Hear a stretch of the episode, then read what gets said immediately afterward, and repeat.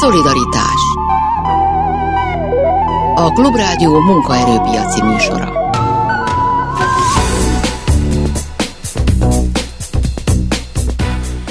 Jó napot kívánok, Sámezi János vagyok. Két részre oszthatjuk a mai műsort, a második felében megyünk a közoktatásba. Beszélgetünk majd egy pedagógus szakszervezeti vezetővel, illetve egy óvodai tagozat vezetővel is arról, hogy ott mi a helyzet, a jogállás változás, mit hozott legalábbis a tanév első hónapjában a pedagógusoknak ezt meg fogjuk beszélni. A műsor első felében viszont Perlusz László, a Vállalkozók és Munkáltatók Országos Szövetségének főtitkára lesz a vendégünk, hogy a szakszervezetek után megismerjük a munkaadói oldal álláspontját is az aktuális helyzetről, bérekről, jövőről, stb. Már is kezdünk. Szolidaritás Perusz Lászlóval, a VOSZ főtitkárával, tehát köszönöm szépen, hogy eljött. Köszönöm a meghívást és az előző adásban az Dati Róbert eh, szakszervezeti vezetővel beszélgettünk nagyon sokat eh, minimálbér, garantált bér minimum kérdésekről. Elsősorban arról, hogy felmerül-e realitásként az, hogy legyen évközi minimálbér emelés vagy korrekció, ahhoz, ahogy tetszik. Eh, ezzel kapcsolatban egyeztettek, amennyire tudom, most már több körben munkaadók, munkavállalói érdeképviseltek, jutottak bármire, vagy egyáltalán, ha nagyon őszintén őszinték akarunk lenni, felmerült ez realitásként, vagy inkább csak, hát hogy is mondjam, a szakszervezetek vágyait tükrözte, meg a munkavállalókét valószínűleg szintén. Igen, megérthető ez a, ez a vágy egyébként egy ilyen inflációs időszakban. Hiába csökken az infláció, azért ez egy nagyon magas infláció még mindig, ugye az augusztusi szám még, még az is 16% fölött van valamivel. Mi azt várjuk egyébként, hogy ez csökkenni fog, és valóban november-decemberre egy számjegyű lesz, de az év egészét tekintve akkor is nagyobb, nagy ez az infláció. Valóban fölmerült, és abban marad maradtunk, hogy hát várjuk, várjuk még a megbízható becséseket a kormányzattól, tehát nem került le a napi rendről, ezt nem, nem mondhatom kategórikusan, hogy, hogy elzárkóztunk előle, de valóban az igaz, hogy, hogy én ennek valóban kicsi realitását látom ebben az évben. Nem tudnák kifizetni? Nem tudnánk kifizetni, hogyha muszáj lenne nyilvánvalóan, akkor, akkor a vállalkozók egy része ki tudná fizetni, vagy ki is fizetné, mint ahogy az eddig is azért voltak. Az elmúlt két évben ugye több mint 35%-os volt a minimálbér és garantált bérminimum emelés, és a bérszínvonal is ennyit, ennyit emelkedett. Tehát soha nem lehet azt mondani, hogy soha, de ennek, ennek, ennek ennél azért, tehát hogy ennél, ennél azért felelősebben kell gondolkozni, és felelősebben kell tárgyalni. Tehát még egyszer mondom, értjük a legkisebb kereshetőeknek a problémáját, problémáját, valamilyen módon megoldás is kell rá találni. Ebben a munkadói oldal partner is, mint ahogy eddig is mindig partner volt, de hogy szeptember végén, október elején elinduló tárgyalásoknál még ebben, erre az évre valamit ki tudunk találni, annak kicsi a realitása, és még egyszer mondom, az év utolsó hónapjaiban már reálbér már, már tényleges reálbérre számíthatnak a legkisebb keresetőek is. Úgy vagyunk valahogy vele mi is ezzel, hogy, hogy azok a vállalkozások, akik nem tudták ezt megtenni évközben, mert ne felejtsük el, nagyon sok vállalkozás megtette, és korrigálta a béreit. Akár nagyobb vállalkozásról van szó, nagy magyar vállalkozásról, vagy akár multinacionális cég, hátterű vállalkozásról, akár saját magától, a KKV mikro, kis és középvállalkozói körben, főleg a kis és középvállalkozói körben. Volt erre példa, nem is egy. Valahol az helyi szakszervezetek harcolták ezt ki, a, a nagyvállalatoknál, gondolom az Lati elnök úr ezt elmondta, vállalati szintű tehát, ö, tárgyalásokkal, tehát ahol volt lehetőség, ott, ö, ott nem csak emberiességi vagy szociális érzékenységből emeltek a munkaadók évközben is, hanem azért is, mert, hanem érdekből is meg akarják tartani a munkavállalóikat. Mindenki, meg tud, meg, mindenki hozzászokott és megtanulta a Covid után, hogy sokkal rosszabb elveszteni a munkavállalót és utána visszaszerezni, mint megtartani akár véráldozatokkal és miért. Mint csak azt mondjuk, hogy a teljes magyar kis- és középvállalkozói szektort egy kényszerített évközi béremeléssel sújtani vagy fenyegetni, az nagyon, nagyon rossz hatással lenne a, a tekintetben, hogy nem maradnának meg a munkahelyek teljes egészükben, sok elveszhetne, és akkor a jövő évbe vagy a jövő utáni évre várt fellendülésbe nem tudnának részt venni. Ja, tudom, hogy nagy a szórás, vannak munkaadók, akik tudtak, nem tudom, 20% felett bért emelni, és vannak, hát nem csak az állami, de ott főleg szférában, de a magánszférában is olyanok, akik meg mondjuk 10 alatt, egyébként ez multikra szokott jellemző lenni, hogy nem mindig érzékelik, hogy mondjuk a magyar infláció az nem feltétlenül akkora, mint nekik otthon a német például, de ha valami nagyon átlagot szeretnénk valahogy összehozni, akkor körülbelül mennyi, mekkora béremelést tudott egy ilyen átlagos, nyilván nincs ilyen vállalkozás ebben az évben adni. Mégiscsak átlagokról kell beszélni, mert a minimálbér és a garantált bérminimum az egy átlagos országos. Tehát ez a leggyengébb, leghátrányosabb kistérségben működő KKV-ra is vonatkozik, meg a nagy multinacionális hátterű, vagy akár magyar hátterű versenyképes vállalkozásra is. Olyan 16-18 százalékos lehet egyébként a, az átlagos béremelés. Nyilván a KSH is mond valamit erre. Valahol itt szóródik hmm. nagyjából. Tehát körülbelül a, ugye a minimálbér és a garantált bérminimum az erre az évre 14 és 16 százalékkal nőtt valahol itt lehet inkább a 16-hoz közelebb a, az átlagos bérszínvonal is. Nyilván azok jobb helyzetben vannak, azok szerencsésebbek, ahol olyan munkáltatójuk volt, aki ennél többet tudott emelni, és olyanok is vannak sajnos, akik ennél kevesebbet tudtak. És ők meg tudták tartani a dolgozók? Valaki megtudta, valaki nem. Tehát nagyon sokan dolgoznak külföldön is, nehezen, nagyon nehéz visszahozni őket. Nehéz ezt egyébként statisztikailag is, statisztikailag is követni, hogy hányan dolgozhatnak magyarok külföldön, de ez ilyen félmilliós szám lehet. Ebben, hogyha a termelékenységben, versenyképességben növekszünk, és a bérszínvonal növekszik, akkor, akkor vissza tudnak jönni. Nem feltétlenül kell elérni egyébként a, a, az osztrák vagy a német bérszínvonalat, hogyha azt csak megközelítenénk, akkor már itt tudnánk tartani vagy vissza tudnánk csábítani ezeket a dolgozókat. Hát ez egy hosszú megbeszélgetés lenne, hogy, ez, hogy a versenyképességet és a termelékenységet hogyan lehetne növelni. Hát még beszélgethetünk talán erről is, de maradjunk még nagyon picit a béreknél. Mondta azt, hogy voltak azért olyan helyek, ahol volt korrekció évközben is, ez tavaly is így volt, tehát tavaly is szerintem pont ebben a ilyen szeptember-október időszakban volt, aki egy összegben, volt, aki a át, alapbért emeltet valami megoldás, erre nagyon sok helyen volt, másút meg nyilván nem erre még lehet számítani, tehát hogy még vannak vállalkozások, ahol mondjuk ez elmaradt eddig, de van tér arra, hogy mondjuk akár itt az év végén, ha nem lesz egy kötelező emelés, ami valószínű korrigáljon kicsit, tehát egy évvégi, hogy akár bónuszokban, akár valami plusz juttatásra számíthatnak még a dolgozók? Igen, én szerintem sok helyen lesz erre lehetőség. A, a karácsonyi időszak előtt az egész évet, aki, aki sikerült, vagy, vagy tényleg elhivatottan és lojálisan kitartott a vállalkozása mellett, az a, az a vállalkozó, az a munkadó, az, az az értékelés, hogy megteheti, akkor meg akarja tartani a munkaerejét. Még egyszer mondom, nem csak szociális szempontok, azok is érvényesülnek, egyre inkább érvényesülnek Magyarországon Magyarországon is, hanem, hanem abból az érdekből is, hogy a jövő évre mindenki szeretné túlélni ezt az évet, nem csak a munkavállalók, munkaadók is szeretnék túlélni. A üzleti terveiket most már valamennyire tudják, hogy hogy tudják, vagy hogy nem tud, mennyire nem tudják teljesíteni. Tudják, hogy recesszióval szemben néznek szembe, főleg a hazai KKV szektor azért recesszióval szemben néz szembe. Már mindenki a jövő évet tervez, és szeretne újraindulni tervezzük egy kicsit mi is a jövő évet, a VOSZ mekkora minimálbér, meg garantált bér minimumemelést tud elképzelni 24-re? Nehéz kérdés, mint mondtam, várjuk a, várjuk a biztos számokat, azért nem, nem tárgyaltunk még számokról a VKF-en, a versenyszféra és a kormány állandó konzultációs fórumán, mert nincsenek megbízható számok. A kormányzat nyilván a, a pénzügyminisztérium sincs könnyű helyzetben, egy ilyen változékony világban, világgazdasági, európai gazdasági világban nehéz azt megmondani, hogy, hogy milyen lesz a várható infláció. Ez ugye szeptember végére, szeptember második felére ígérték ezeket a számokat, amikor meg lesznek, akkor azonnal leülünk. Előzetesen tényleg nehéz, nehéz bármit is mondani, repkednek néha számok. Tőlem egyszer valaki megkérdezte a sajtó részéről, hogy jó, oké, hogyha nem akarok számot mondani, de körülbelül egy 10% körüli emelés az reális lehet-e, és erre azt mondtam, hogy ez nem egy elrugaszkodott becslés, tehát jelenleg én is azt látom, hogy ez akár reális is lehet 10% körül, hogy ez sok vagy kevés, ezt meg fogjuk látni a számok ismeretében. Hát az inflációt nem tudjuk, de azért a várható az 10% alatt van, 24-ben valahol, hogy mennyivel, hát az majd kiderül, meg nyilván ne történjen semmilyen sok.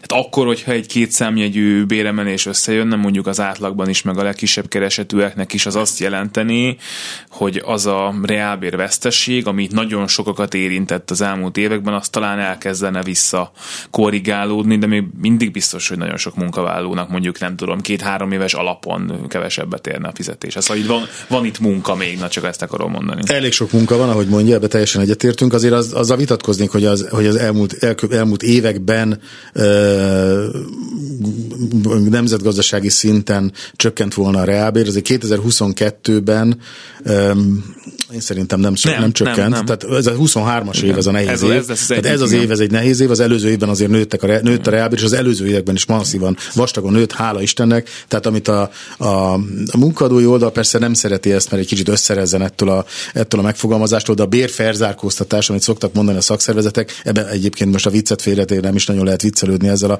témával, de tehát a bérferzárkóztatásban nagyon sokat tudtunk lépni az elmúlt 6-8 évben közösen a, a szakszervezetekkel, tehát a munkavállalói szférával, és ebbe el kell mondani, hogy a kormányzat is partner volt, azért ne felejtsük el, hogy 2016 őszén született egy 6 éves bérmegállapodás, ugye, ami tavaly járt le 2022-ben, és 27%-ról 13-ra csökkent a szociális hozzájárulási adó, és egyébként ezért lehetett duplázni mondjuk a minimálbért, ezért tudtak a munkaadók minimálbért emelni, mert részben ellensúlyozta a kormányzat a, a, a költségeiket. Tehát azért ez, ebben lehet vízni, ebben a, ebben a hármasban, ebben a tripartit érdekegyeztetésben, munkadók, munkavállalók és kormányzat. Ez a 2023-as év, ez tényleg egy tragikusan nehéz év, ezt jó lenne túlélni minél kevesebb sérüléssel. Mondta, hogy az üzleti tervek nem úgy alakultak e, ilyen hosszú recesszióra, azt hiszem, hogy senki se számított. Tényleg mennyire rossz a vállalkozások helyzete? Nyilván látjuk azt, hogy a fogyasztás csökken, ez nyilván rengeteg mindenkit közvetlenül érint, szétszedjük szektorokra, akkor vannak olyanok, ahol, ahol tényleg rossz a helyzet, és akár voltak nagyobb számban megszűnő vállalkozások?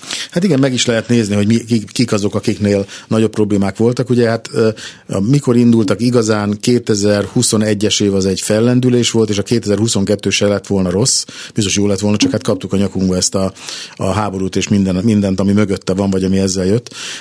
És hát jött az energiaválság körülbelül egy éve, tehát augusztus-szeptemberben 2022-ben, akkor ugye tízszereződtek, tizenötszöröződtek a költségek nem csak a lakosságnak, hanem a vállalkozásoknak is. Ugye beragadtak ebbe a magas energiaárba. Az energiakereskedő cégekre sem lehet haragudni, mert ők is fixálták ezeket, tehát ők is biztosították ki fixáron ezeket, amiket utána továbbadtak a vállalkozásoknak, a felhasználó vállalkozásoknak, tehát, tehát ez valóban egy, valóban, valóban egy tragikus időszak ez, Bocsánat, volt. akkor itt álljunk meg egy picit, ez mennyire oldódott meg erre az évre? Ugye itt a kormány is adott a kisebb vállalkozásoknak valamekkora segítség segítséget ebben, de gondolom, hogy kötöttek azért szerződések ezeket a magas áron, ezeket sikerült kezelni most, amikor már az energiaárak jóval lejjebb vannak, vagy vannak még vállalkozások, akik most is iszonyúsokat fizetnek? Részben sikerült, tehát a nagyon kicsiket, nagyon kicsiknek valóban dobott, dobott mentővet a kormányzat is. A dobott mentővet múlt év utolsó negyedévében az energiaintenzív feldolgozóipari vállalkozásoknak, tehát minden, ami gyártás, nyilvánvalóan ők, ők energiaintenzívek, sőt, ezt meghosszabbította erre, erre az évre és az első negyed évre, tehát ez mindenképpen hathatós segítség volt, sőt, kiterjesztette a vendéglátás turizmusra, ami egyébként az előbb mondta, hogy ez egy, hogy mik azok a válságágazatokat, ez például egy válságágazat a vendéglátás turizmus, erre is kiterjesztette, ez azért valóban segítség volt. Mi azt mondtuk egyébként a vozban, hogy ezt nem ágazati szinten kellene, hanem úgy általában meg kell nézni, hogy ki az, aki energiaintenzív, intenzív, eh, nagyon sok, sokan vannak a szolgáltatási szektorban, és egyrészt háromszor annyi vállalkozás van, a foglalkoztatásban is nagyobb a súlyuk, és ott is nagyon sok az energiaintenzív, őnekik is kellett volna természetesen valamilyen, valamilyen segítséget nyújtani, ezt továbbra is ezt mondjuk. Um, azt kérdeztem még, hogy megoldódtak -e ezek a problémák. Aki fixálta egy évre, annak körülbelül most jár le az áramév meg a gázév, volt, van, van olyan is persze, aki két évre kötött, de jellemzően egy évre kötöttek, persze megkötötték. Tehát, tehát a, a kérdésére az a válasz, hogy kényszerből megkötött az a vállalkozó, hiszen korábban azt mondta, hogy hát ő négy, négy öt, hat cégtől is kapott ajánlatot a korábbi években, és nem, hogy nem kapott ajánlatot egyet se, hanem azt mondta a régi, hogy akkor ő nem köt újat. És volt, hogy egy hónapig nem tudta az a vállalkozás, tavaly ősszel, hogy idén el tud-e indulni, mert lesz áramja, meg gáza. Tehát amikor megkapta a magas fixárút, akkor azt megkötötte, mit tud csinálni. És nem is tud kimászni belőle. Még egyszer mondom, az energiakereskedő se tudja. Ugye hiába estek le az a világpiaci árak, aki nem, nem a napi árfolyamhoz kötötte, hanem fixárosat kötött, a, azt a kereskedői oldal is fixárosan kötötte meg. Most járnak le ezek a szerződések, mi beszéltünk a, az energiakereskedőkkel, van nekik országos szervezetük nekik is. Mi azt kértük, hogy legyen sokkal átláthatóbb a mostani szerződéses rendszer, sokkal jobban, sokkal előre, előre kommunikáljanak a vállalkozásokkal, legyenek fix, lehetőleg legyenek fixáros megoldások, és legyenek változóáros megoldások is. Ez egy kicsit olyan, mint a hitelezésben régen volt, emlékszik a THM-mentes időszak, amikor mindenki betett valami rejtett költséget, nem is biztos, hogy családmódon a bankok, de, de nem lehetett átlátni ezeket az árazásokat, és utána be, bevezettek egy olyan rendszert, hogy ez a teljes hiteldíj mutató rendszere volt, amikor úgy lehetett látni mindenkinek, és mindenki hozzá is szokott, a fogyasztók, a felhasználók, az emberek, hogy, hogy már pedig én látom, hogy mennyibe fog nekem kerülni ez a hitel. Valami ilyesmi kellene, ehhez hasonló gondolkodás szeretnénk a hitel, vagy a, bocsánat, az energiapiacon is. És hogyha ezt a rezsi problémát, ez mi most már itt több évre is lassan visszamegy, illetve a, hát a bevétel csökkenést, ami lehet a fogyasztás csökkenésbe adódhat, ha ezt a kettőt összerakjuk, akkor ennek mekkora hatása volt, és, és tényleg szüntek-e meg nagy számban vállalkozások, mert már mondjuk a, a foglalkoztatáson ez nem látszik meg, vagy nagyon kevés térségben látszik meg, van, ahol azért ez, ez csúnyán felment a, az elmúlt időszakban, de a átlagot tekintve nem látszik meg. Igen, azt szokták mondani, hogy ez feszes a munkaerőpiac, ez egy jó hír egyébként a magyar gazdaság számára is, ez egy erős támasza, támasza ebben a nehéz helyzetben a magyar gazdaságnak, de voltak olyan ágazatok, az előbb említettük is, tehát turizmus vendéglátásba azért mentek jócskán tör, tönkre vállalkozások, például a bolti kiskereskedelembe a tavalyi évben is több ezer, idei évben is több ezer vállalkozás ment tönkre. Ugye ez egy furcsa dolog, mert ugye ugyanakkor meg ráragasztják ezekre a vállalkozásokra, a kereskedőkre is, hogy, hogy milyen extra profitra tettek szert. Ugye lehet hallani ilyen kifejezéseket, hogy, hogy, hogy, hogy profitinfláció, meg kabzsi, kabzsi, kabzsi infláció, kabzsiság infláció, ezek, mi ezt nem sok alapot, alapját látjuk ezeknek. Ugye, ugye ez abból, abból ered, hogy megnézzük, hogy mennyi mondjuk a, tehát a profitot ugye össze, összekeverik a, sok, sokszor a, a bruttó működési eredménnyel, de nagyon megnézzük, hogy mennyivel nőtt az árbevétel a cégnek, vagy az EBITDA-ja. Oké, de abban nincsenek benne az adók, és nincsenek, nincs benne az infláció, nincs benne az, hogy, hogy ő neki mennyivel nőttek a költségei, nincs benne az, hogy, a, hogy az energiaköltsége felrobban, stb. stb. Tehát, tehát nem, ezért nem egy profitmérő szám. Hogyha ilyen, mindig azt szoktam mondani, hogy ennyire jó lenne a kereskedelem, mint amennyire szokták mondani, hogy micsoda extra profitokra tettek szert, akkor nem menne sok, sok ezer vállalkozás tönkre ebbe az ágazatba. Ha már az extra profitot emlegette, hát én most már meg nem tudom mondani, hogy hány szektorban vannak külön adók, de kereskedelemben pont igen, energetikában szintén, bankokat tudjuk. Ezzel kapcsolatban valami változás várható, vagy a, mikor a kormányjal találkoznak, a kormányzati emberekkel, akkor beszélnek erről, hogy, hogy mondjuk ezeknek egy részét legalább akkor ne? Hát egy vállalkozói munkadói szövetség az mindig is nyilvánvalóan az, az adók csökkentésére kell, hogy koncentráljon. Nyilván nem elvtelenül, és megértve azt, hogy hát a kormányzat is ö, kutyaszorítóban van, tehát nyilvánvalóan ö, sokkal több pénzt kellene adjon például szociális ö, megsegítésére, mondjuk például a legkisebb keresetőek szociális megsegítésére, vagy a nyugdíjakra, vagy a szociális ellátásokra, tehát nagyon sok kiadása lenne, ugyanakkor pont amiatt, amit, amit ön is mond, a magas infláció miatt, ez egy teljesen természetes és hát kényszerű, kényszerű hogy is mondjam, magatartása az, az embereknek, a polgároknak, hogy nem fogyasztanak, hanem megtakarítanak, és hát a KKV is megtakarít. Az azt jelenti, hogy elhalasztják a beruházásaikat. Tehát, tehát az áfa bevételek, az adók, ezek sokkal nehezebben folynak be a költségvetésbe. Nyilvánvalóan ez a költségvetés viszont valami, valamilyen mozgástere kell, hogy legyen, hogy be tudjon avatkozni ott, ahol be kell avatkozni, hogy működtesse nem csak az államaparátus, hanem működtesse a gazdaságot is, illetve hát a vállalko- vállal, a, az állami szféra, szférának a vállalkozásait. Tehát ez egy nagyon nehéz kérdés.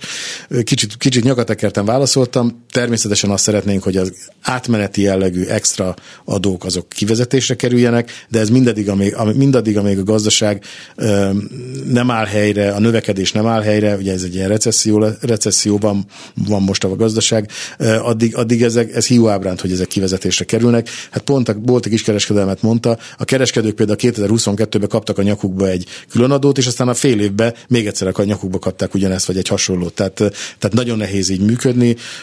Ezek az adókat, mondom még egyszer, folyamatosan tárgyalunk, és azt akarjuk, hogy ez, ez csökkenjen, ugyanakkor meg kell érteni a költségvetési szempontokat is, ha reálisan gondolkozunk, addig maradnak fönn, amíg helyen nem áll a gazdaság.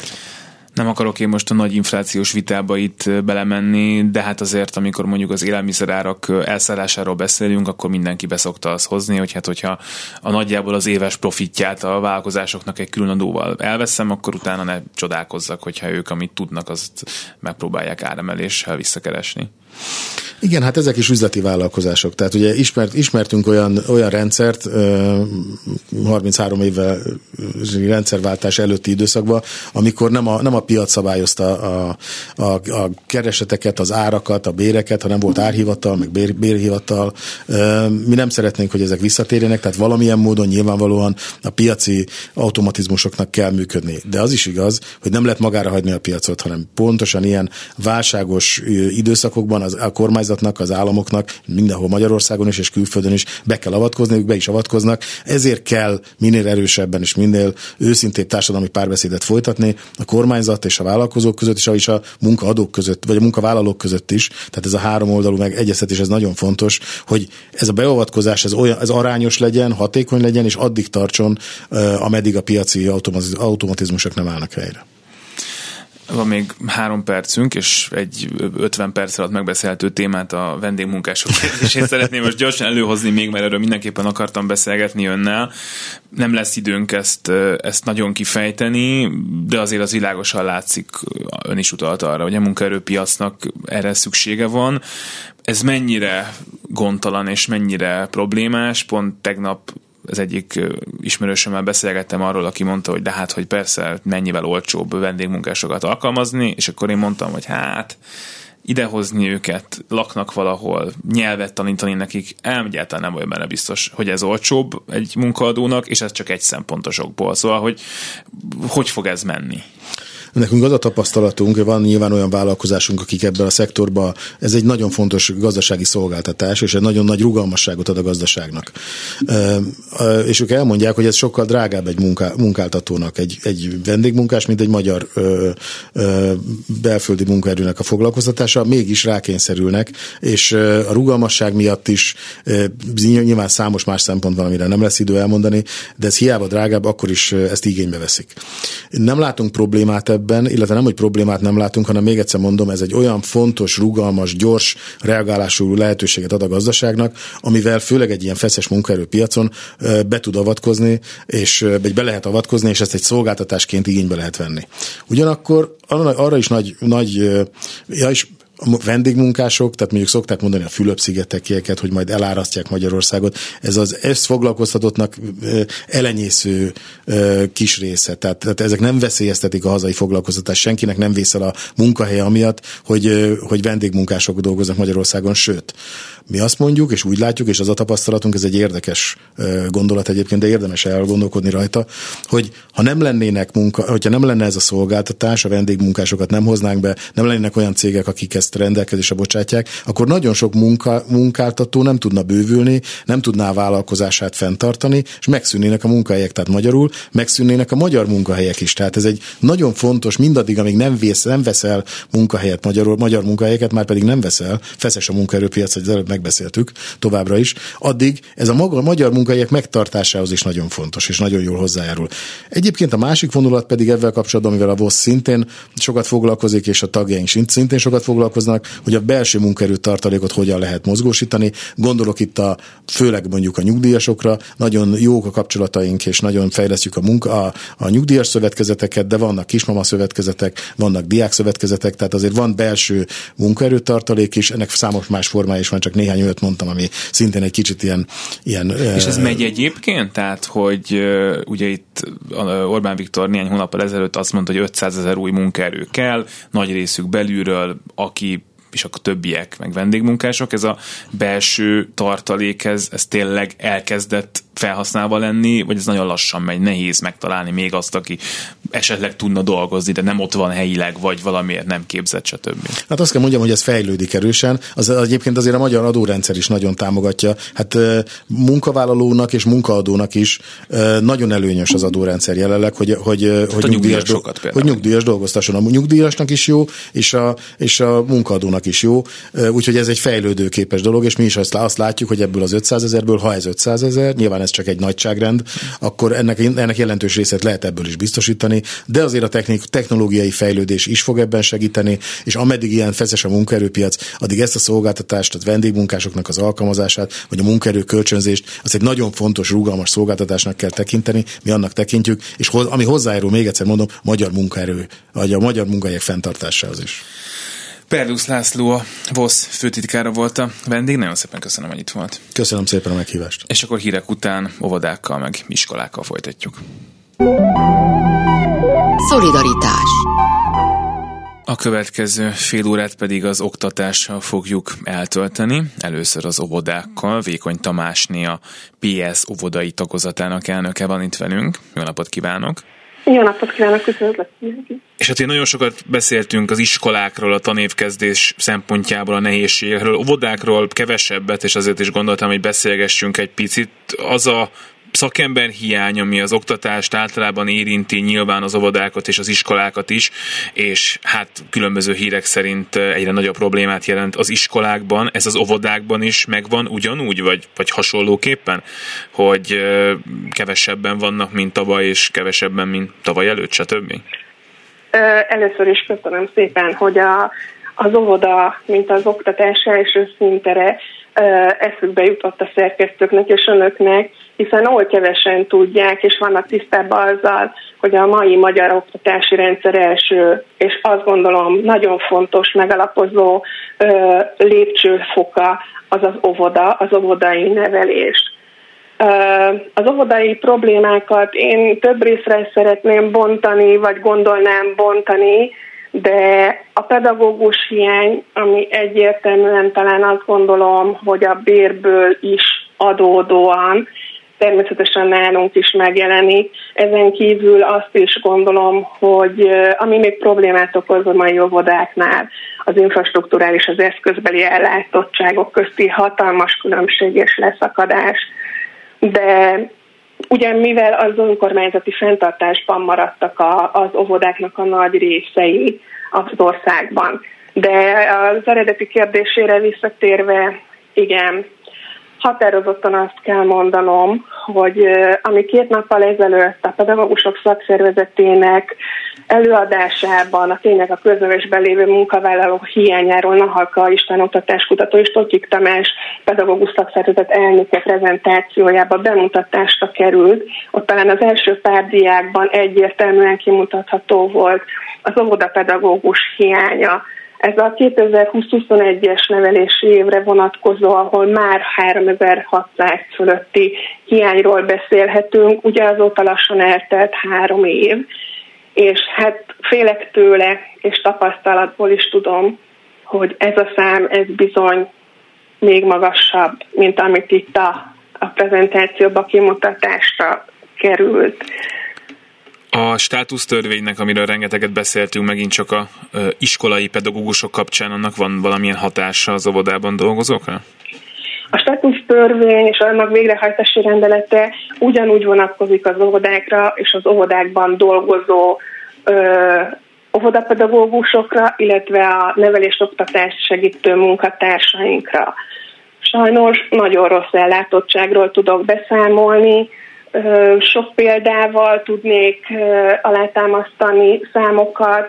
Gondoljunk csak bele, van egy, egy vagy egy kétcsoportos kis falusi óvoda, ahol mondjuk egy csoportban egy óvodapedagóguson a törvényi kettővel ellentétben, és mondjuk az óvónéninek, hívjuk így a régi módon megszokott óvónéninek is van valami problémája, vajon akkor kivigyáz a gyerekekre, bezár az óvoda, vagy, vagy, vagy a, a Dajka néni egyedül marad, jó esetben, ha van Dajka néni, akinek a konyhás néni és a Dajka és a karbantartói feladatokat is el kell látni. Ugye az óvodai nevelés az egy egész évben, egész éven át tartó nevelési szintér, ahol igazándiból tavaszi, nyári, ősz és téli szünetekről nem beszélhetünk. De vagyunk egy két csoportos, vagy egy három csoportos óvodát, egy kisfalusi óvodát.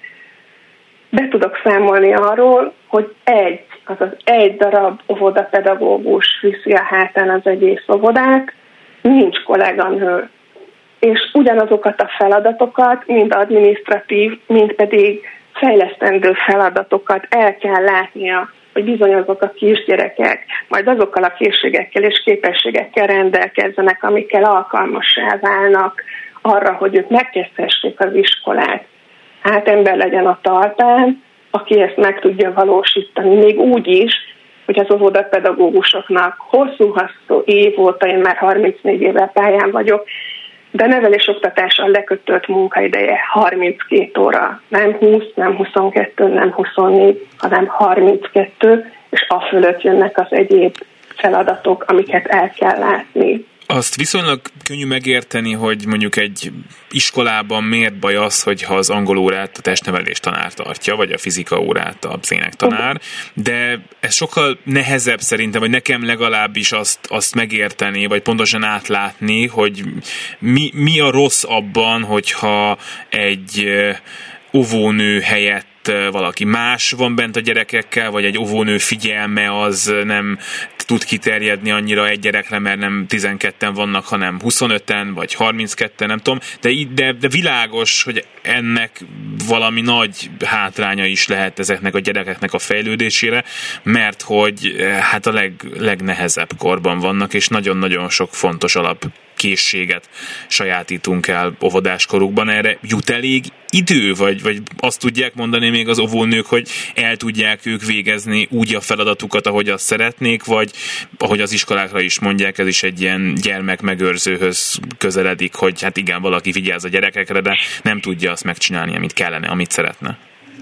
Hát én hinni szeretném, és uh, talán elfogultként vallom is, és bízom benne, hogy az óvoda nem egy gyerekmegőrző. Az elején azzal kezdtem, hogy az óvoda is egy nevelés, nevelő-oktató intézmény.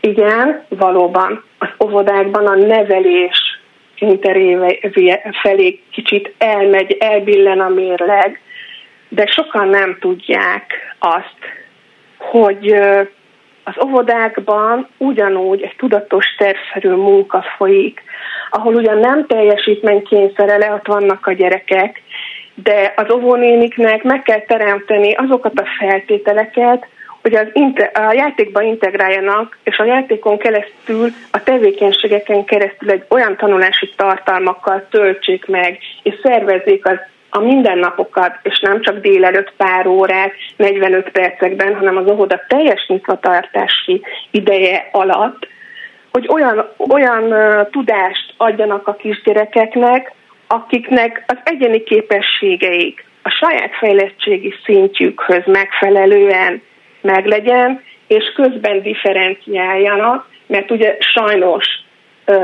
vagy sok egyre több az a kisgyerek, akinek valami probléma, valami fejlesztés szükséges, mert bizony ezeket a gyerekeket képessé kell tenni az iskolára. Én azt gondolom, hogy nem véletlen kötik az óvodapedagógus pályát és főiskolai diplomához, ahol igen, pszichológiát, pedagógiát és minden egyéb más olyan fontos tantárgyat, ami a nevelésbe, oktatásba a pedagógusoknak szükséges, ennek az életkornak a sajátosságait is meg kell tanulni, és hát azt gondolom, hogy, hogy ez nem kis feladat. Az igaz, hogy óvodákból megy a munkaerő a bölcsödék felé, mert hogy ott jobban lehet keresni? Igen. A szociális ágazatban két-három éve talán egy olyan jellegű bérrendezés történt, amit hát mi már várunk régóta, ugye mondhatni 2000 13 környékéről, amikor az előző, vagyis még pontosan a most működő életpálya modell bevezetésre került, ahol is ugye azt ígérték, hogy majd nagyon szépen elindulunk fölfelé a bértáblába. Igen, egy bölcsödei Dajkanéninek bizony sokkal több a bére, mint egy óvodapedagógus diplomával rendelkező 20-30 éve pályán lévő kolléganőnek.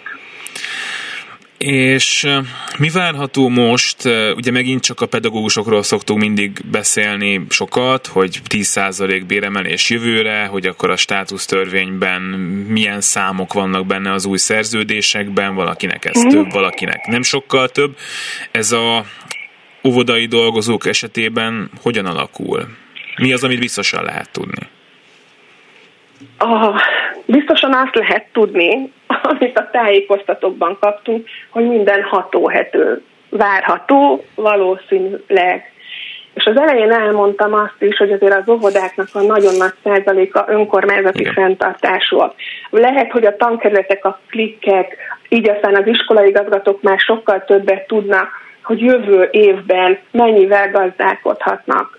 Maruzsa Zoltán államtitkár úrnak a biztatására igazándiból most azt kéne tenni a pedagógusoknak, hogy elmennek a munkáltatójukhoz, a fenntartójukhoz, és béralkut kellene folytatniuk. Szeretném megkérdezni, hogy az az óvoda vezető, akinek fogalma nincs arról, hogy a jövő évben mennyivel gazdálkodhat, miből gazdálkodhat, differenciálhat, mit fog a központi költségvetés leküldeni. A felelősségteljes gazdálkodásra hivatkoznak a törvénybe is, hogy a vezetők azt szerint járjanak el, és hogy milyen szempontokat vegyenek figyelembe. De az a felelősségteljes vezető, aki ezeknek a számoknak nincs az ismeretébe és tudatába, nem gondolnám, hogy hatalmas béralkut folytatnának. Én nagyon szívesen megmondom önnek, hogy én jelen pillanatban pedagógus 2-12-es kategóriában vagyok. Az én jelenlegi besorolási bérem 458.212 forint. Egy nyugdíj előtt álló 40 évvel nyugdíjba megyő menő ö, kolléganőnek a bére 482.328 forint bruttóba. Ö, januártól mit tudunk? Senki nem kaphat kevesebbet 440 ezer forintnál. Sem a gyakornok, sem a pedagógus egy, sem a pedagógus kettő. Akik jelen pillanatban már most elérték ezt a számot, mert mondjuk az én esetemben 18.212 forinttal ez meghaladja, ővelük mi lesz? Ők milyen bérkompenzációt, milyen béremelést fognak kapni? Semmiért. Van kolléganő, akinek nullára, vagy 21 forintra, vagy 78 forintra jött ki. Nyilván a fiatalabb pályakezdők, akiktől senki nem irigyli, mert azt gondolom, hogy igenis fontos, hogy a fiataljaink tudjanak életet kezdeni, egzisztenciát teremteni, de nagyon-nagyon nagy hiány, hibának tartom azt, hogy nem ismerik el a szakmai éveket, nem ismerik el a tudást, nem ismerik el a tanulást, azt, hogy a pedagógusok folyamatosan képzik magukat, több diplomával rendelkeznek az óvodapedagógus pályán is, és ez sajnos a bérekben egyáltalán nem látszik meg. Nagyon összefolyt a bértábla, eddig sem voltak nagy különbségek, de most meg aztán szinte értelmetlennek látják a kollégák egy minősítési eljárást megcsinálni, mert semmit nem jelent a bérükbe. Köszönöm szépen. Vékony Tamásnét a Pedagógusok Szakszervezetének óvodai tagozatos elnökét hallották. Köszönöm szépen, viszontlátásra. Szolidaritás és a témát folytatjuk az iskolákkal. Nagy Erzsébet a Pedagógusok Demokratikus Szakszervezetének országos válaszmányi tagja van itt velünk. Jó napot kívánok! Jó napot kívánok! És hát a dolog az ugyanaz, ugye kaptak már szerződést a pedagógusok közül, nem mindenki, amennyire lehet tudni, de valaki már kapott. Nagy a szórás, hogy milyen bérek vannak ebben, vagy vannak egyáltalán pontos bérek? Tehát, hogy tudják azt már a kollégák, vagy legalább egy részük, hogy egészen pontosan mennyi az ő fizetésük. Most mennyi lesz? Két hónap múlva mennyi lesz februárban? Azt a részét lehet tudni, ami a kinevezés módosításokban van, ami tulajdonképpen december 31-ig szólt. De egyébként nincs értelme szétválasztani az óvodát az iskolától ebben a vonatkozásban, mert ugyanazok a problémák, ugyanazok a dilemmák jelentkeznek az iskolákban is, mint amit az óvodában dolgozókat képviselő kolléganő elmondott. Tehát itt az a probléma, hogy összemosódnak a bérek, olyan értelemben, hogy meghatározza a törvény, hogy az egyes fizetési fokozatonként mennyi a minimum, és arra a minimumra, akit fel kellett hozni, mert még ennél is kevesebb volt az illetménye, hát ők kaptak valamennyi béremelésről kinevezés módosítást, többen nem kaptak egyáltalán kinevezés módosítást, mert eleve magasabb volt a bérük, volt akiknek átadtak ilyen dokumentumot, és abban a jelenlegi bérüket közölték velük, tehát nagyjából ezt lehet látni, és hát igen, voltak olyan érdekességek egyes tankerületi központokban, ahol adtak pluszban 5%-ot, vagy adtak pluszban 10 ezer forintot, egy-két helyről hallottam, hogy 20 ezer forintot, és amikor megkérdeztem a Kröbersberg központ elnökétől, hogy ez milyen szisztéma szerint folyt, vagy milyen szempontok szerint egyáltalán erre ő sem tudott választ adni. Tehát egészen elképesztő a helyzet. Egy biztos, hogy semmi sem biztos, tehát nem tudni, hogy milyen szempontok, milyen elbírálási rend szerint alakították ki a béreket, de azt lehet látni, hogy zömében, mondhatom talán 99%-ban a minimumhoz igazítottak mindenkit hozzá, és úgy, ahogy a kolléganő elmondta, itt nem számít az, hogy ki hány évet töltött el a szakmában, de a diplomájának a fokozata sem, az sem, hogy hány szakot szerzett, semmi az égvilágon, de gyakorlatilag mindenki a fokozatában egy ilyen újra egy ilyen rajtbőre kerül, ami azért meglehetősen megalázó, de semmiképpen sem motiváló. De akkor jól értem, bocsánat, elnézést, csak még igen. egy gyors kérdés, akkor jól értem azt, hogy azok a pedagógusok, akik nagyon keveset kerestek eddig, mert az elején voltak még a szakmának, és most itt lehet, hogy a tíz éve igen. tanító is ebbe tartozik bele, igen. ők kaptak béremelést most, tehát már többet őket, fognak őket keresni. Felhozni. Ezzel szemben viszont igen. a többiek meg nullát kapnak, hiszen ők ugye többet keresnek Vagy amúgy is a minimumnál. forintot, meg ilyeneket. Így van. Tehát őket kellett felhozni erre a minimumra. Januártól az van, amit a kolléganő mondott. A törvényben egy biztos dolog szerepel, 440 ezer forint lesz a gyakornoki illetmény, és ennél nem lehet bruttóban kevesebbet kapni, de már a szakmai ágazati pótlékkal együtt számított összegre mhm. vonatkozik ez és egyébként pedig valóban az van a tájékoztatóban, hogy minden várható, és ezzel a várhatóval kapcsolatban azért mondanék egy-két dolgot. Tehát a törvényben az szerepel, hogy, hogy közölni kéne a várható illetményt, na most én ezekben a tájékoztatókban nem látom azt, mert itt mindenkinek konkrétan egy éve szabottan kellene valamit legalább a munkáltatónak közölni. Hát ez nem történik meg, hanem csak egy ilyen listát, egy felsorolást lehet látni, hogy gyakornoktól mesterpedagógus, illetve kutató tanárig mennyi a minimum, de hát ez a kolléga számára semmit nem mond, bár a várhatóval már eleve ugye minden tulajdonképpen ilyen viszonylagos, semmi sem biztos.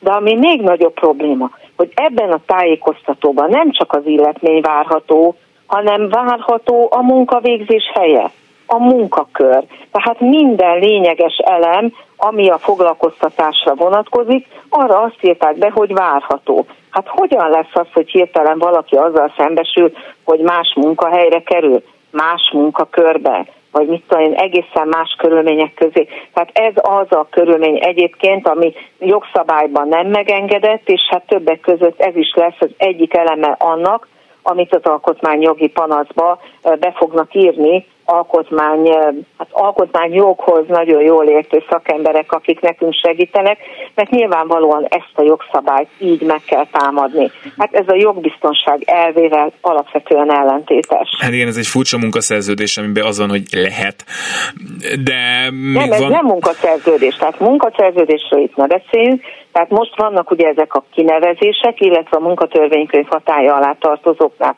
a munkaszerződések, ebben konkrétumok szerepelnek, csak mindenki kapott szeptember 15-ig egy sokoldalas tájékoztatót, amit csak át kellett vennie, és ami a január 1-éről szól, tehát hogy majd január 15-ig, ez is fura, hogy miért 15-én kell csak az új kinevezést átadni, hogy abban várhatóan mi lesz. Na és ott van ez a hihetetlen nagy bizonytalanság, ami egyszerűen nem megengedett, ez a jogbiztonság elvét sérti.